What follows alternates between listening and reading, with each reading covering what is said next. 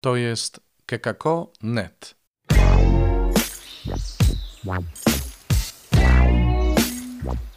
Poranny suplement diety. Chrystus zmartwychwstał. Tu Robert Hecyk z Oazy Koinonian, chrzciciel w Nowym Radzicu. Witajcie. Jest poniedziałek, 11 maja. No i od razu przechodzimy do tego, co najważniejsze, czyli do lektury Słowa Bożego. Z dziejów apostolskich. Gdy Paweł i Barnaba dowiedzieli się w Ikonium, że poganie i Żydzi wraz ze swymi władzami zamierzają ich znieważyć i ukamienować, uciekli do miast Likaonii, do Listry i Derbe oraz w ich okolice i tam głosili Ewangelię. W Listrze mieszkał pewien człowiek o bezwładnych nogach, kaleka od urodzenia, który nigdy nie chodził. Słuchał on przemówienia Pawła. Ten spojrzał na niego uważnie i widząc, że ma wiarę potrzebną do uzdrowienia, zawołał głośno: Stań prosto na nogach! A on zerwał się i zaczął chodzić. Na widok tego, co uczynił Paweł, tłumy zaczęły wołać po likaońsku: Bogowie przybrali postać ludzi i zstąpili do nas. Barnabę nazwali Zeusem, a Pawła Hermesem, gdyż głównie on przemawiał. A kapłan Zeusa, którego świątynia była przed miastem, przywiódł przed bramę woły oraz przyniósł wieńce i chciał razem z tłumem złożyć ofiarę. Na wieść o tym apostołowie Barnaba i Paweł rozdarli szaty i rzucili się w tłum, krzycząc: Ludzie, co wy robicie? My także jesteśmy ludźmi, podobnie jak wy podlegamy cierpieniom. Nauczamy was, abyście odwrócili się od tych marności do Boga żywego, który stworzył niebo i ziemię, i morze, i wszystko, co w nich się znajduje. Pozwolił on w dawnych czasach, aby każdy naród chodził własnymi drogami, ale nie przestawał dawać o sobie świadectwa, czyniąc dobrze. Zsyłał wam deszcz z nieba i urodzajne lata, karmił was i radością napełniał wasze serca.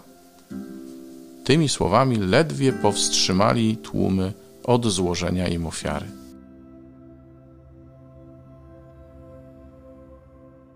Z Ewangelii według świętego Jana.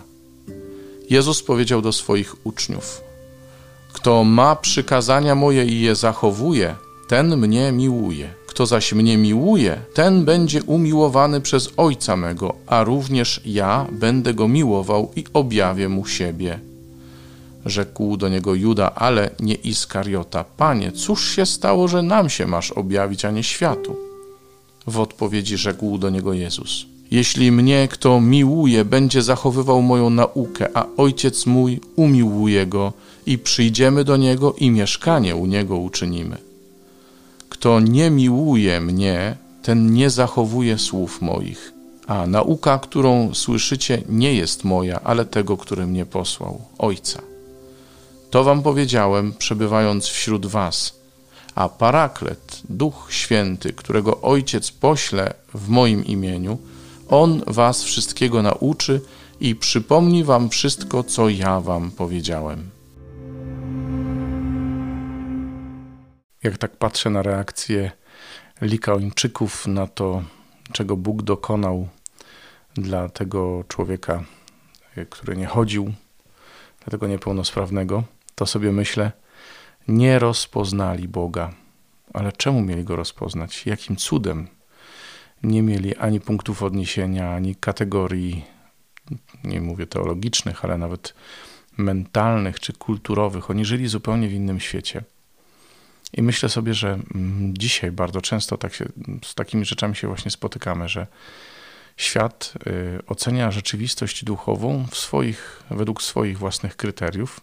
Przypominam sobie historię różnych rekolekcji, na których Duch Święty działał w ich uczestnikach i gazety się rozpisywały o nadużyciach, y, o rzeczach gorszących, niepokojących, które się dzieją y, tam właśnie w czasie tych rekolekcji.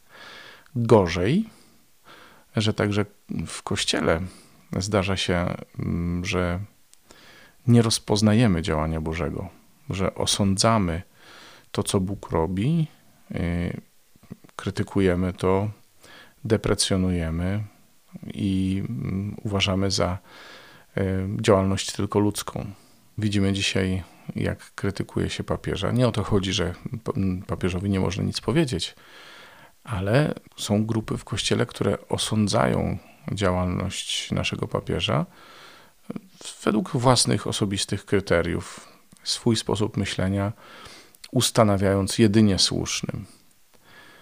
E, mamy też sytuacje, w których jedne grupy, jedne wspólnoty e, czy przedstawiciele określonych prądów, e, czy to tradycjonaliści, czy wręcz przeciwnie, ultramoderniści, tak to nazwijmy, odsądzają siebie nawzajem od czci i wiary, uznając, że tylko to, co oni robią, jest tym czymś właściwym.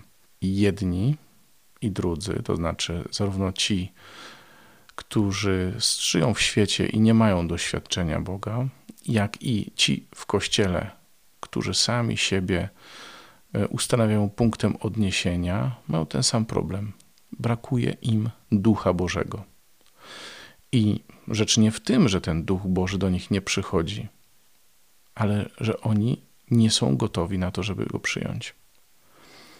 O ile, powtarzam, rozumiem, że w świecie, dopóki się nie pozna Jezusa, dopóki e, nie zaczniemy do Niego się odnosić w życiu, no to trudno mówić o otwartości na Ducha Świętego, ale zawsze można mówić o otwartości serca.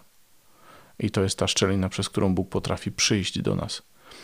Ale w Kościele rzeczywiście trzeba się wyraźnie otworzyć na Ducha Świętego i powiedzieć: Duchu Święty, Ty masz prawo do pierwszego i ostatniego słowa.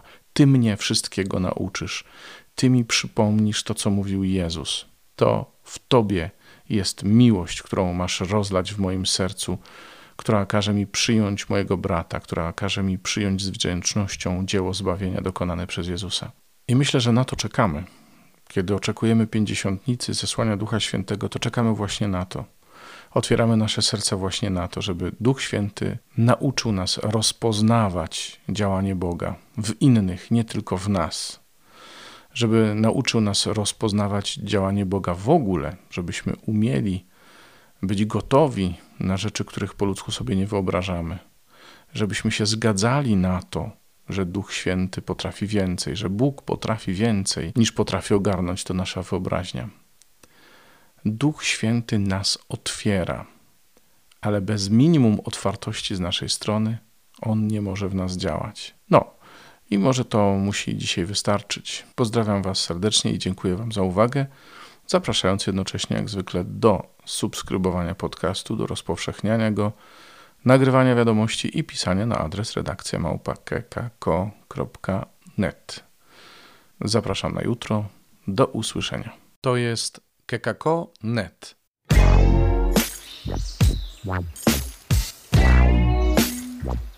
Poranny suplement diety.